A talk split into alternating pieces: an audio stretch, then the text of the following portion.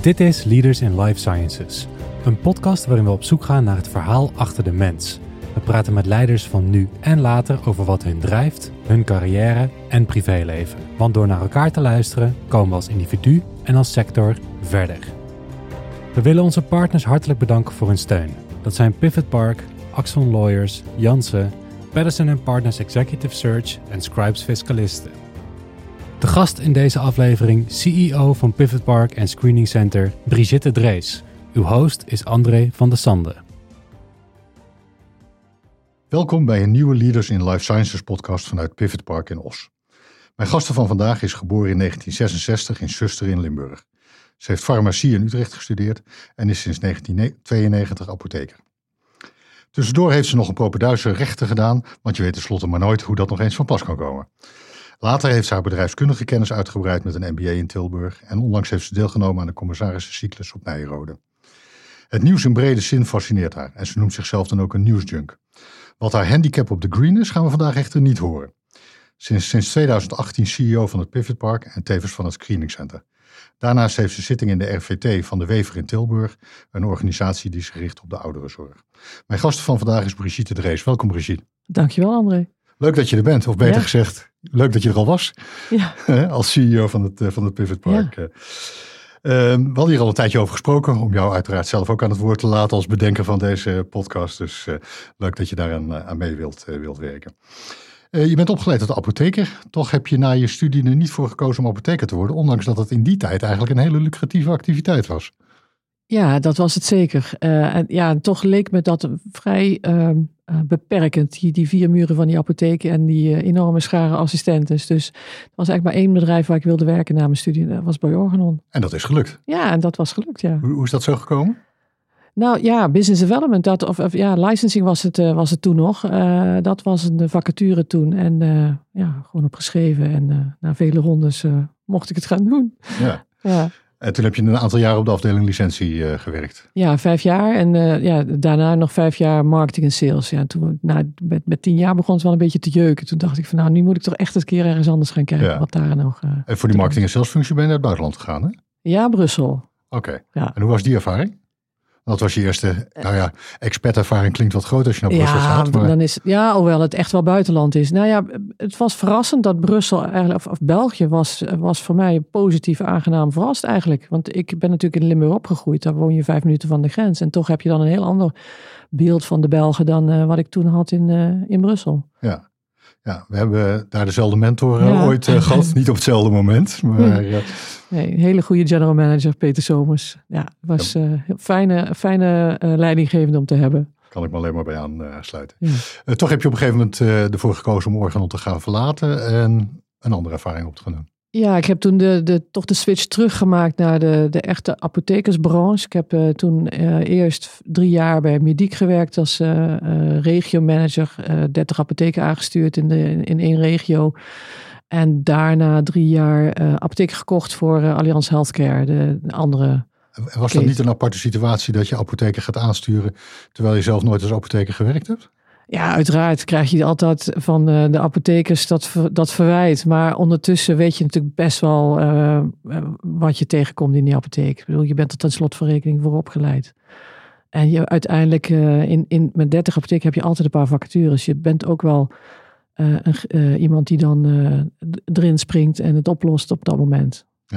Dat waren ook de tijden van parallelimport, hè? Ja, dat begon toen. eh, dat was toen eh, pittige discussies met een aantal eh, apothekers die daar eigenlijk nog niet zoveel zin in hadden. En, maar ja, goed, als je dat ging uitrekenen, wat je daaraan kon verdienen, dat was enorm. En na Allianz heb je besloten om voor jezelf te gaan werken. Ja, dat, maar dat was ook een beetje ingegeven door twee dingen. Het was enerzijds een leiderschapscursus die ik toen bij Allianz heb gedaan, waarin eh, na, na negen maanden, iedere maand een week eh, op locatie met heel veel inspirerende mensen, had ik toch zoiets van, ja, ik, ik wil ondernemer zijn. Eh, en tegelijk was door het preferentiebeleid eh, een grote streep door mijn afdeling gegaan die apotheken kocht. Want eh, het rendement was zodanig achteruit gegaan dat dat toch geen goed idee meer was. Eh, en toen ben ik eh, ehm, eh, ja, zelfstandig consultant geworden. Eh, heb tien jaar lang ehm, eh, turnaround management gedaan met apotheekketens. Maar ik heb ook eh, ehm, farmaceutische zorg in grote verpleeghuisinstellingen eh, ge- neergezet. Omdat toen de in-huis apotheken moesten worden gesloten en de inspectie behoorlijk aan het inspecteren was bij die, bij die tehuizen. En er was echt gewoon veel te doen. Ja, en dat heb je in je eentje gedaan, die, die, die tien jaar lang? Ja, die consultancyopdracht natuurlijk wel, maar wel vanuit een gezamenlijk bedrijf met mijn toenmalige echtgenoot. De, we hadden ook een aantal tandartspraktijken in eigendom met het idee van nou, de apotheekketen, dan kun je ook tandartsketen bouwen. Um, maar goed, en ik was vooral op uh, interim klussen bezig. Ja. En jouw voormalige partner had een tandheelkundige achtergrond, begrijp ik dan? Nee, nee? nee, niet eens. Die was militair geweest. Nee, maar goed, had, ja, militairen kunnen heel goed organiseren. Maar dat hebben we ook wel op andere manieren gezien. Dat heeft geholpen, duidelijk. Zeker, ja. ja. ja um, toch heb je op enig moment weer besloten om nou ja, dat zelfstandige werk achter je te laten. Hoe is dat verder gegaan? Ja, ik ben toen als uh, de laatste klus die ik uh, toen gedaan was bij uh, Orly Pharma. Dat is een groothandel in moeilijk verkrijgbare geneesmiddelen. die begon destijds in Duitsland en we hebben toen een, een, een groothandel opgezet in Nederland en ook eentje in, in Engeland. Waardoor je dus toch wat makkelijker toegang had tot verschillende producten die alleen maar in één land geregistreerd waren.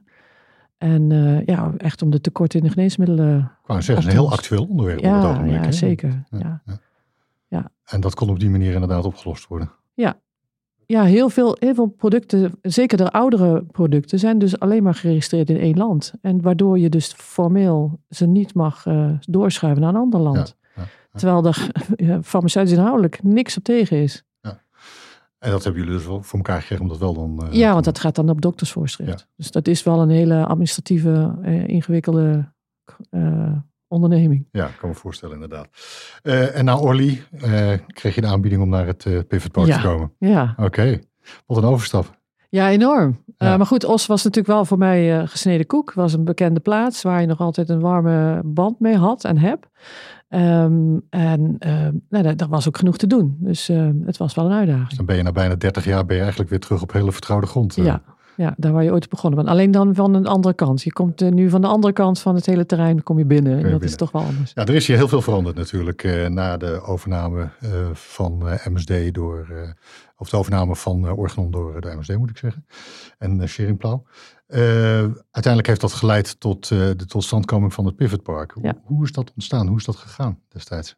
Ja, destijds uh, ging natuurlijk in, in de hele farmaceutische wereld gingen er heel veel sites dicht. Hè. Er werd gerationaliseerd, en zo ook bij MSD. Dus die, die besloten toen de vroege research te sluiten. En omdat daar toch wel wat ontslagen mee gemoeid waren, was, heeft toen de provincie samen met de gemeente um, besloten om er een science park van te maken. A het voorbeeld zoals we het ook op de Hightech Campus in, in Eindhoven kennen. Ja. En dat heeft gelukkig goed uitgepakt. Ja, met achterlating van uh, een hele mooie inboedel. Zeker, ja. zeven gebouwen met zeven heel veel apparatuur. Alles stond erin. ook een hele mooie robot bij het screening center. Um, en, en zo zijn we begonnen. Ja. En hele, hele bijzondere tijd moet dat zijn geweest. Ik heb natuurlijk zelf die beginjaren niet meegemaakt. Maar echt de gebouwen waar her en der al een bedrijf zat gevestigd en de rest stond leeg. Ja, ja. ja en niet alleen een mooie inboedel, maar ook nog een paar prachtige producten die nog verder ontwikkeld zijn door een aantal bewoners van het Pivot Park. Zeker, ja. De Kitruda bij, uh, bij MSD is natuurlijk door hen zelf op het allerlaatste moment toch nog uh, opgepakt en ontwikkeld. En dat is nu het best verkopende middel ter wereld. Ter wereld hè? Maar Acerta heeft uh, Calquens ontwikkeld, wat ook een, een, blockbuster is geworden. En zo zijn er inmiddels nog steeds twintig 20 bedrijven actief die destijds vanaf het eerste begin zijn begonnen hier. Ja, ja. oké. Okay. Um, voor, som, voor niet iedereen zal het duidelijk zijn wat een Science Park eigenlijk precies uh, is en wat een Science Park doet. Kun je dat wat verder toelichten? Ja, een Science Park is een, is een plek waar je dus uh, themagericht uh, aan het ondernemen bent. Dus wij richten ons op pharma, geneesmiddelontwikkeling en, en aanpalende dingen. Dus we hebben bedrijven die zich, die zich richten op het ontwikkelen van één, één molecuul. Maar we hebben ook bedrijven die contract research of contract manufacturing doen. en eigenlijk pikken ze allemaal een stukje van die complexe puzzel die moet leiden van A tot Z tot het ontwikkelen van een geneesmiddel en het op de markt brengen. En, en, wat doen jullie dan om die bedrijven daarin te ondersteunen? Ja, dat kan heel divers zijn. Van het in contact brengen met investeerders. en, en daar is de BOM natuurlijk de allerbelangrijkste voor ons van. Dat is de Brabantse Ontwikkelingsmaatschappij. maar inmiddels zien we dat er wel wel twintig verschillende investeerders hier op het park actief zijn. Die individuele bedrijven ondersteunen met financiering. de venture builders. Uh, we zorgen ook voor uh, educatie. Uh, inmiddels hebben we een, een lector hier op het park van de Hogeschool Arnhem-Nijmegen. Er wordt één keer per jaar een minor gegeven van 13 weken. We hebben summer schools met de Radboud Universiteit. En zo kan ik nog wel een tijdje doorgaan. Ja. Uh, maar ook het hele community building, dat is misschien nog wel uh, belangrijker. Dat mensen elkaar leren kennen hier op het park. En dat ze leren van elkaars uh, expertise. Ja. Dat ze elkaar ook gebruiken als dat nodig is. En daar organiseer je workshops, bijeenkomsten voor? Of? Ja, allerlei dingen. Het kunnen kennissessies zijn. Het, het kan inhoudelijk zijn. Het kan zakelijk zijn. er zit hier ook een juristen, accountants, patenten, gemachtigden. Alles hebben we beschikbaar. Uh, maar de essentie is toch van dat je elkaar moet weten te vinden. Het, er is niks motiverender dan dat een gevestigde ondernemer een, ehm, een, een, een start-up helpt ehm, en, en behoedt voor uh, de meest voor de hand liggende valkuilen. Ja, dus jullie bouwen eigenlijk ook zeg maar de support om die research heen, zoals inderdaad juridische support, ja. financiële support, et cetera.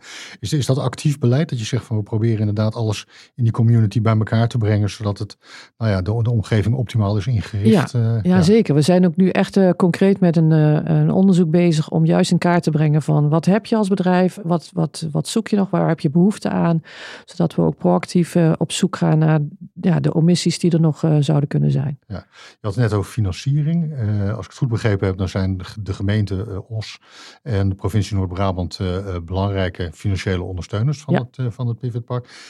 Beperk je dat in zekere mate dan bijvoorbeeld ook uh, tot waar je mag werken? Je hoort wel eens dat uh, investeerders dan eisen dat een bedrijf in een bepaalde provincie komt. Mag jij over Klopt. de provincie en gemeentegrenzen heen gaan? Uh, nou, vooral de BOM, die heeft die eis nog steeds wel. En dat hebben ze eigenlijk allemaal wel, die regionale ondersteuningsmaatschappijen. Maar uh, qua samenwerking met de universiteit hebben we dat niet. Uh, de, de samenwerking hebben we met de Radboud, dat is natuurlijk Gelderland. Maar ook met, met Wageningen en, en ver over de grens. We hebben ook wel eens hier een kaart gebracht met welke universiteiten, de bedrijven hier samenwerken. Op basis van de publicaties die, die beschikbaar zijn.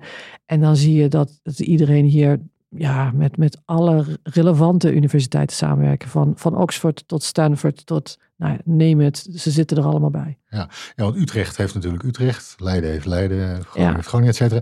Maar Os heeft geen eigen universiteit. Dus hoe belangrijk is dan toch om dat netwerk, uh, om, om Os heen te bouwen, om het Pivot Park heen te bouwen? Ja, wij, onze stelling is, dat is juist onze kracht, dat wij uh, afhankelijk uh, van wat we zoeken, kunnen kijken welke universiteit het beste bij dat bedrijf past.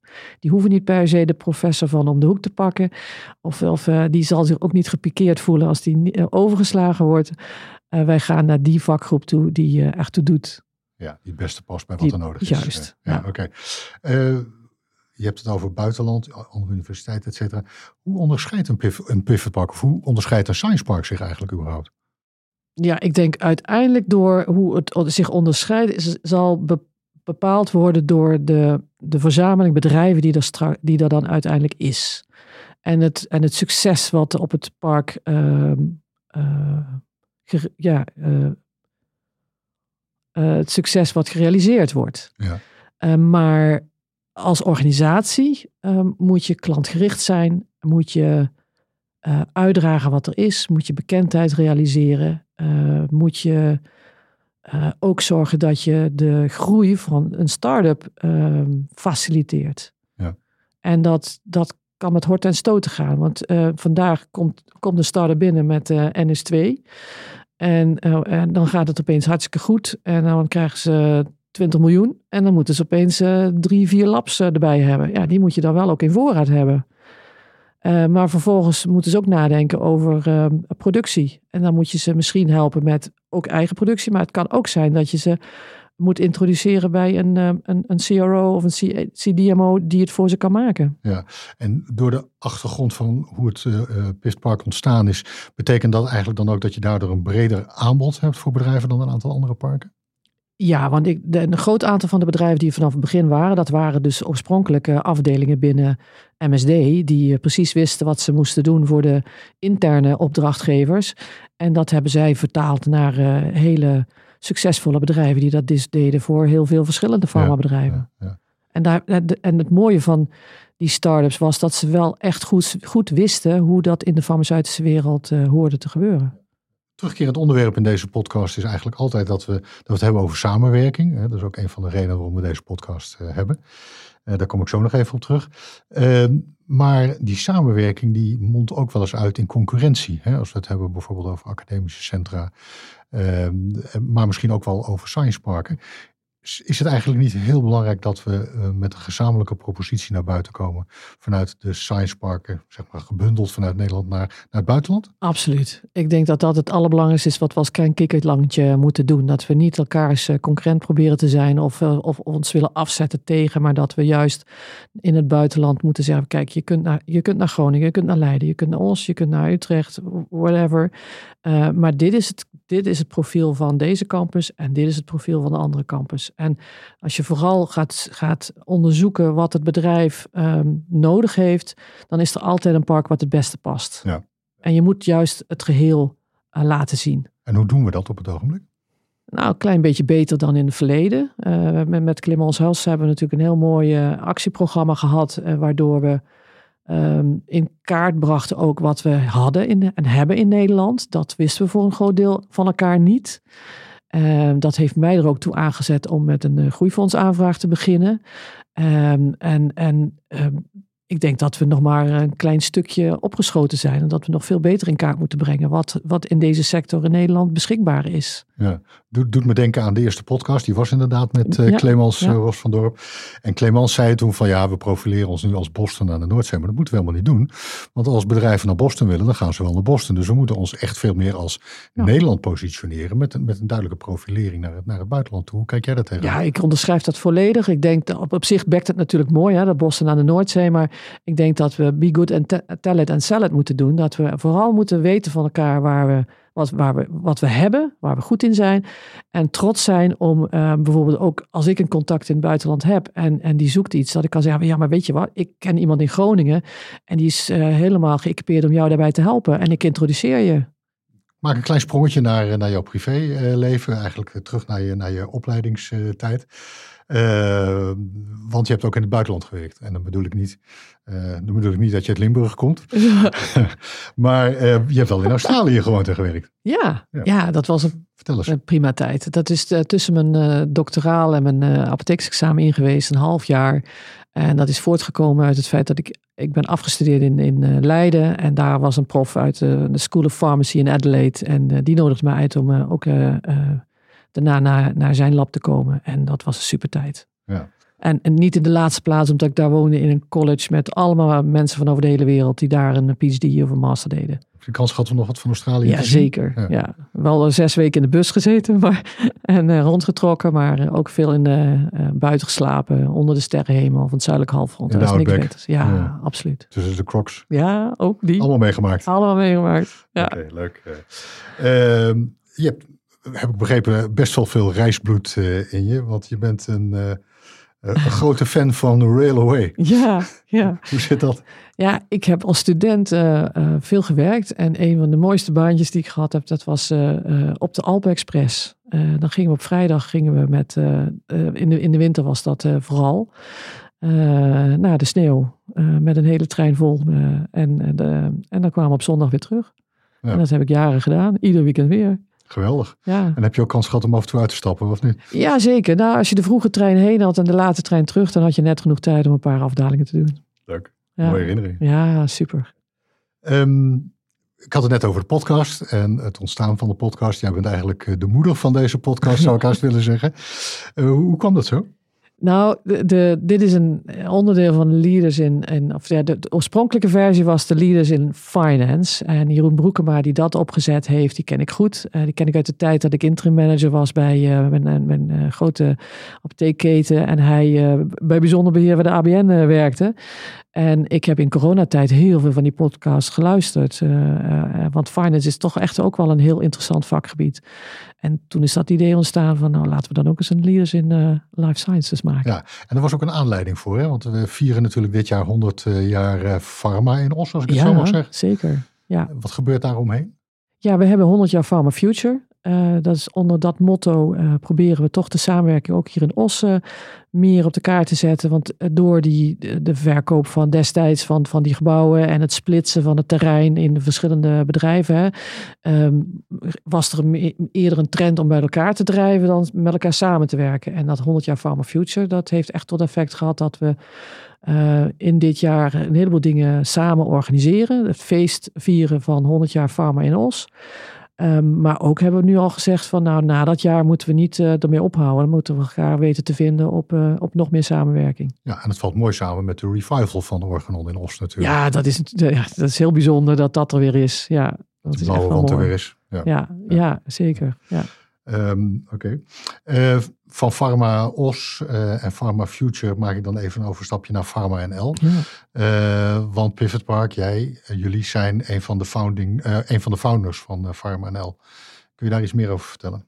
Ja, wat ik net al zei, we toen door dat hele verhaal van de, van de tafels van Clemens Ros realiseerde ik me dat er meer um, moet worden geïnvesteerd in, in infrastructuur, in human capital.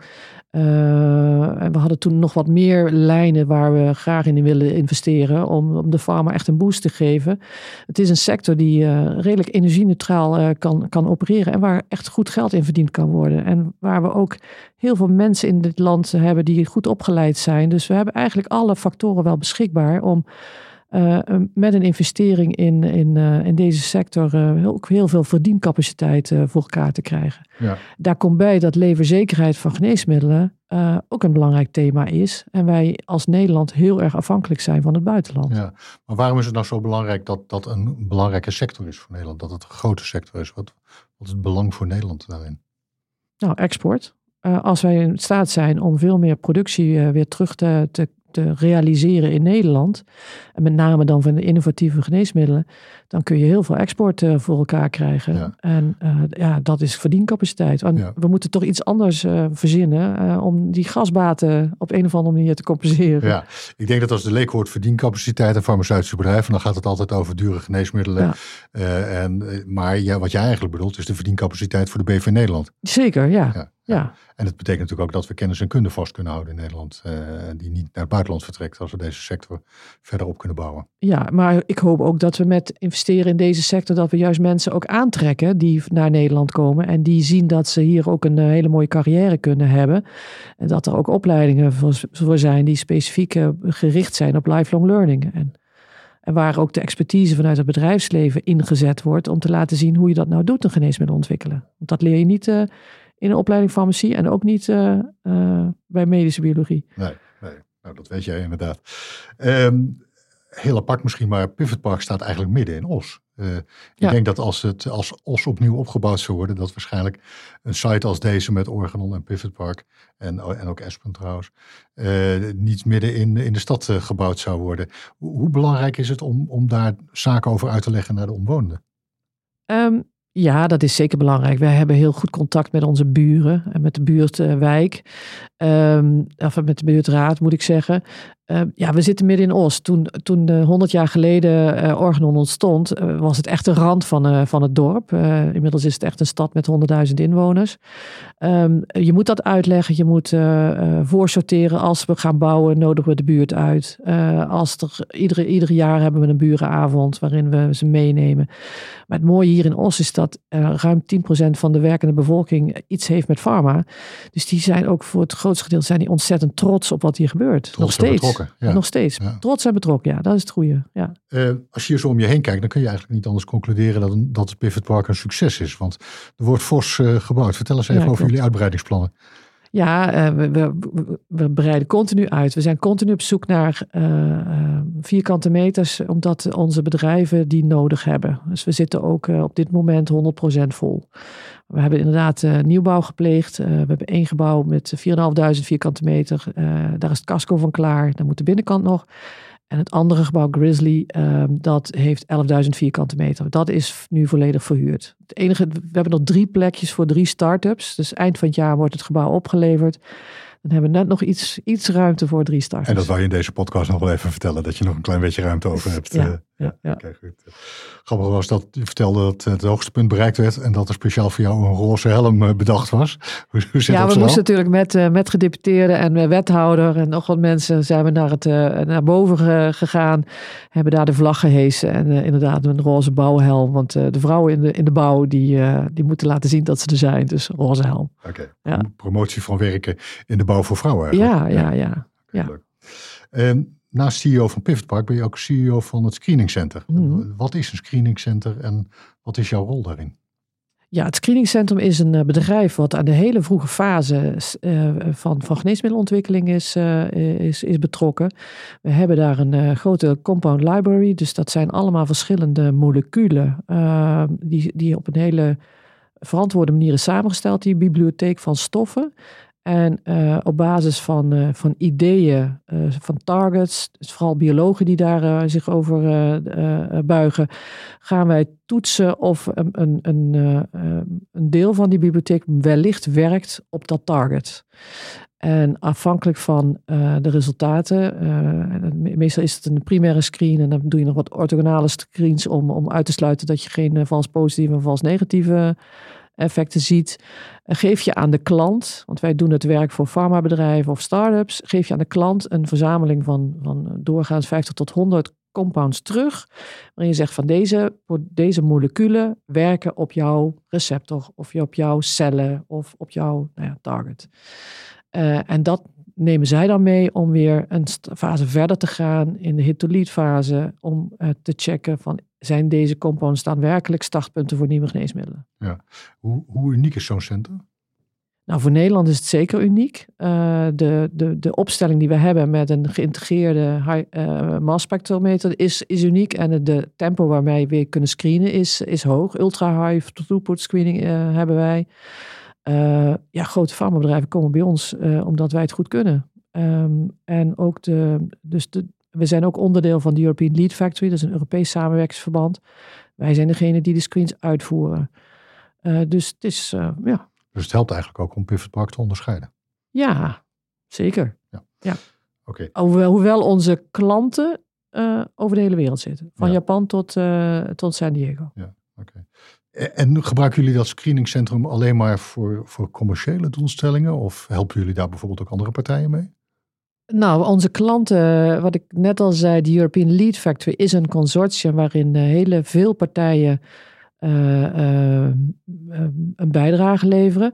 Wij krijgen het geld vanuit Europa en heel veel academische centra kunnen daar dus, zonder dat ze ervoor hoeven te betalen, kunnen ze daar screenen. Ehm, dus je kunt ook ehm, goede doelenstichtingen kunnen bijvoorbeeld bij ons ook terecht. Ehm, waardoor ze toch voor relatief weinig geld ehm, startpunten voor geneesmiddelen kunnen Ja, want je hebt ook een Essay Development Fund, heb ik begrepen. ja, dat is nog, een, dat, eh, is nog tot eh, halverwege volgend jaar is dat geld beschikbaar. Komt van het ministerie van Economische Zaken. Ehm, daar kunnen academische groepen kunnen daar eh, werk laten doen aan die essay development, zoals dat heet. Dus dat is die testomgeving die je nodig hebt voordat je kunt screenen. Als dat nog niet helemaal uitontwikkeld is, kunnen ze dat aan ons vragen om te doen. En voor 17.000 euro per project hebben wij beschikbaar ehm, om, om dat eh, werk uit te voeren. En als dat succesvol is, kunnen ze daarmee eh, door eh, om een hele screen te, te laten doen. En als dat dan een screen is die voor een goede doelenstichting bedoeld is, dan kunnen ze ook weer door bij de European League Factor. Dus met een investering van 17.000 euro kun je dan een screen vrijspelen die ja, bijna een half miljoen kost. Ja, oké, mooi.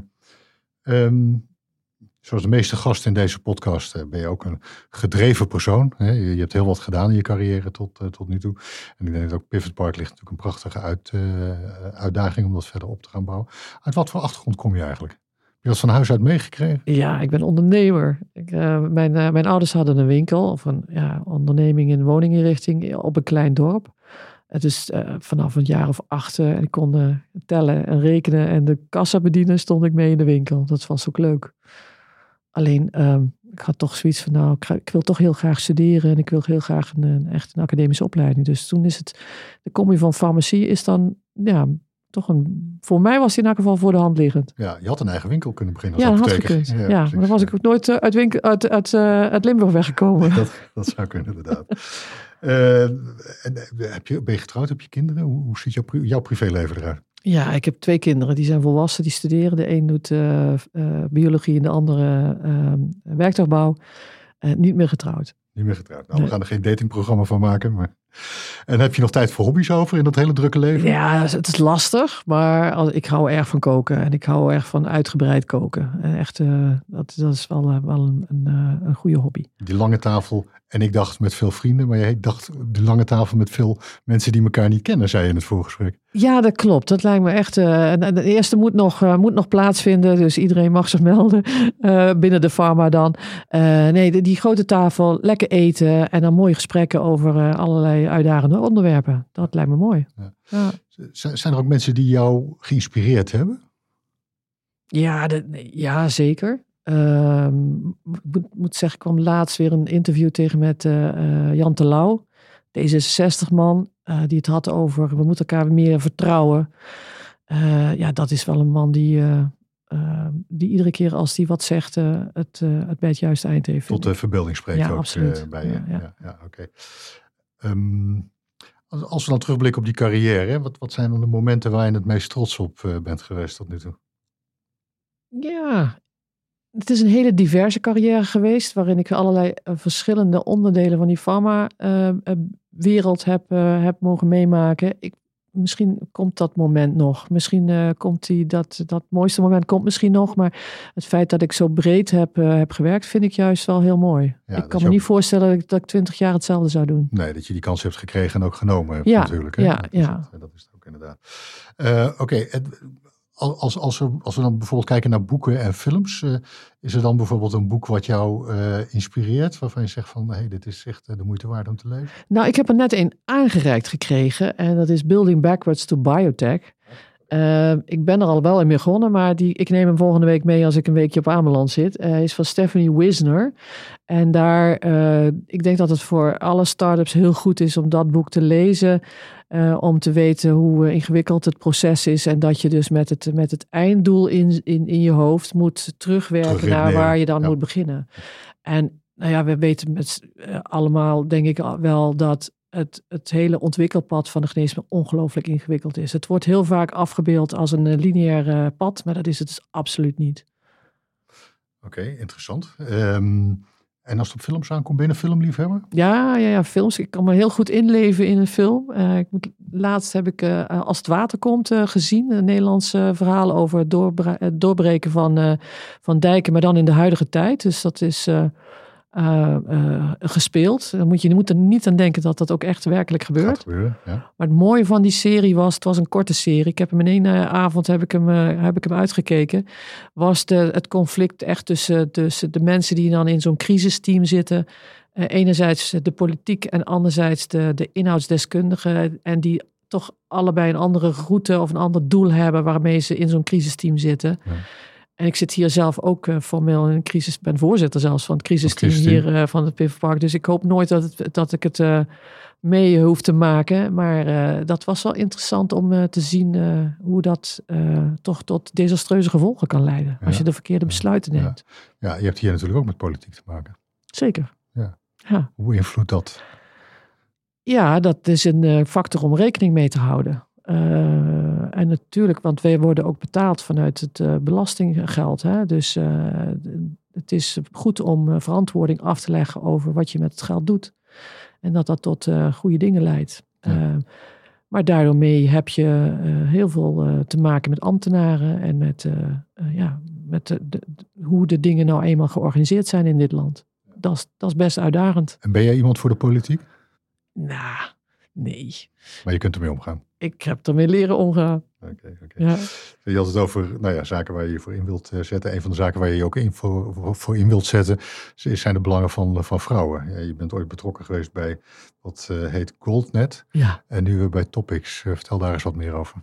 Ja, dat GoldNet was eh, oorspronkelijk eh, bedoeld om eh, vrouwen die elkaar toch moesten helpen om succesvol te kunnen zijn in deze wereld. Hè, als tegenhanger tegen het All Boys netwerk. Ik ben niet een van de oprichters, maar wel de, de tweede, tweede echelon gelijk. En we hebben dat jarenlang met veel plezier hebben we iedere keer mensen uitgenodigd om daar een, een bijdrage aan te leveren. We hadden ook dus hartstikke goede sprekers. En als ik nu kijk naar wat Topics uh, doet in een, een, veel grotere omvang, dat is toch mooi om te zien. Ook heel veel vrouwen. We hadden vorig jaar september hadden we hier uh, op het Pivotpark 200 vrouwen in de zaal zitten. Nou, volgens mij heeft die zaal nog nooit zoveel vrouwen bij elkaar gehad. En het was toch wel mooi om te zien dat er, uh, ja, die, dat initiatief er is en dat dat dat er zoveel vrouwen op afkomen. Ja. Zoveel mooie vrouwen in, de, in deze sector werken. In deze sector, ja. Er werken heel veel vrouwen in deze sector, inderdaad. Ja, ja wat, ook heel, wat ik ook een heel mooi uh, onderwerp vind, is uh, jouw activiteit in het bestuur van de talentencampus hier in Os. Wat, wat houdt dat in, een talentencampus? Ja, dat doe ik nog maar heel recent. talentencampus is bedoeld om het talent wat in Os opgroeit, om ook te behouden voor Os. En dat was vooral in het begin ingestoken op de techniek. Er zijn ook heel veel techniekbedrijven hier in Os. Um, en met, met, met mij erbij proberen we dan dus ook de, de, het MBO vanuit de Life Sciences and Health, wat toch ook heel groot is bij eh, MSD en Organon en Aspen, om dat daar ook uh, bij te verbinden. En, en mooi ding is dat uh, OS ook lerende stad is. Lerende stad is een, een, onderdeel van de WHO. Ehm, en de, ja, dat gaat hopelijk ook weer heel veel deuren openen om lifelong learning te realiseren. Niet alleen in, in de techniek, maar ook in de LSA-sector. Ja. Het gaat heel veel over ondersteunen, het gaat over leren. Kom ik eigenlijk uit op de incubator uh, waar jullie aan werken hier. Wat, wat, wat is een incubator om te beginnen? Ja, het is een broedplaats. Broedplaats waarin je mensen um, faciliteert om succesvol te zijn. Dus die start-up die uh, hopelijk met een aantal uh, andere start-ups bij elkaar moet straks in een, gebouw zitten waar alle faciliteiten aanwezig zijn om uh, uh, zo goed mogelijk het werk te kunnen doen en zo goed mogelijk dat doel te bereiken, namelijk dat product uh, levensvatbaar krijgen. dat proof of concept, als dat er eenmaal is, als die, als die investeerder langskomt en zegt van dit is een goed idee, jullie hebben een goed doorverrochte projectplan, daar is goed over nagedacht, de valkuilen zijn eruit. en dus je hebt mentoren nodig die aan de zijlijn uh, toch helpen om, om uh, uh, die start-ups het goede pad te wijzen. Maar ook de, de, goede krachten beschikbaar hebben human, vanuit Human Capital, hè, de opleidingen, die mensen die nodig zijn om zo'n start-up dan ook te laten groeien als het nodig is. Ja, als het kan. Gaat, gaat ook, ook heel erg over funding daarvan, denk ik, of niet? Ja, nou ja, het is programmering en funding. Dus vooral bedenken, wat, wat, hoe moet dat programma eruit zien? Wat moeten we daar aanbieden en wat vooral niet? Um, en, um, en het geldt dan om het mogelijk te maken. Maar ook Pharma NL is daar een, hopelijk een, uh, een partij die daar een stukje in uh, kan bijdragen. Ja, ik wou net zeggen, want hoe moeilijk is het dan om die funding bij elkaar te krijgen? Maar Pharma NL kan daarin faciliteren. Ja, maar goed, dan moet wel 50% matching komen. Dus we zijn met heel veel partijen in gesprek uh, of ze daar een rol in kunnen spelen en hoe dan. Ja, oké, duidelijk. Als we dan dat lijntje even doortrekken over leren en ontwikkelen. Je omschrijft jezelf als een nieuwsjunk. Ja. Hoe zit dat? Ja, ik, ik, ik kan niet uh, leven in een wereld zonder krant, zonder radio, zonder uh, horen wat, uh, ja, wat er in de wereld gebeurt. Ja, zeker in deze wereld natuurlijk ook heel belangrijk om bij te blijven en nou ja, de trends te volgen. Ja, nou, uh, weet je wel, we maken met z'n allen, in, ieder bedrijf maakt een risicoanalyse. Wie had twee jaar geleden in zijn risicoanalyse opgeschreven dat er misschien een oorlog zou komen? Ja, ik denk niemand. Nee. en en dan, dat is eigenlijk toch wel raar dat we dat niet hebben zien aankomen. Terwijl de tekenen er wel waren. Dus ik, ik denk dat ik nog meer nieuws moet volgen om uh, voortaan dit soort dingen ook op te pikken. Ja, niemand hield het voor mogelijk eigenlijk, hè, dat nee, dit zou gaan gebeuren. Dus, uh, en dan nog even verder door over, over leren en zo. Wat, wat, wat doen jouw zonen en gaan die jou achterna? Nee, die gaan mij niet achter. Nou, een klein beetje. Ja, werktuigbouw en biologie. Uh, ze zouden allebei hier uh, op het park uh, werkzaam kunnen zijn. De ene in het, het, het vernieuwen van de gebouwen en de installatietechniek en de andere echt in het lab. Maar joh, dat mogen ze lekker zelf uh, bepalen. Ze mogen ook lekker zelf hun eigen fouten maken. Ja, oké. Maar dit gaat, dit gaat, ze worden niet je opvolger bij Pivot Park in ieder geval. dat gaat niet, uh, niet, worden. Uh, in ons voorgesprek viel ook het, de term community management ja. regelmatig. Wat, wat houdt dat in? de, ja, het woord zegt het al. Je wil hier een, een, een ecosysteem bouwen waarin mensen elkaar um, kennen, waarin ze elkaar helpen en waarin ze iets voor elkaar over hebben. Um, net als een kleine samenleving eigenlijk. En het mooie van Pivot Park is dat er um, feitelijk dat we op, op een zo beperkt stukje grond zitten. Uh, het is ook niet aan de openbare weg. Uh, we hebben er een hek omheen staan, wat ook s'avonds uh, dicht gaat. Um, we komen elkaar heel makkelijk tegen. Of het nou in, de, in het restaurant is of bij een, een, een activiteit die georganiseerd wordt. Uh, je merkt dat ze echt wel uh, geïnteresseerd zijn in elkaars activiteiten. Ja, het sluit aan bij waar we het net over hadden, over het bouwen van die support. Ja. Uh, voor alle partijen die hier aanwezig zijn op het, ja. op het Pivot Park. Um, Oké, okay. in de intro zei ik, we gaan het niet hebben over jouw handicap. nee. Ja, Hoe God. zit dat? Je golft wel, begrijp ik. Ja, ja, ja, ik heb mijn GVB sinds 19, volgens mij 1995. Maar ik kom zo weinig op die golfbaan, joh. Ja. Daar heb ik toch zo weinig tijd voor. Kost te veel ik tijd. Ja, ik zou wel willen, Ja. maar... Dat gaat niet, uh, gaat Nee. niet lukken. Nee, oké, goed. Maar ik, ik sla wel redelijk rechtdoor. Dus eh, weet je, Dat scheelt. iedereen eh, kan, ik, ik kan met iedereen mee, maar nee, dat is het dan ook. Ja, leuk.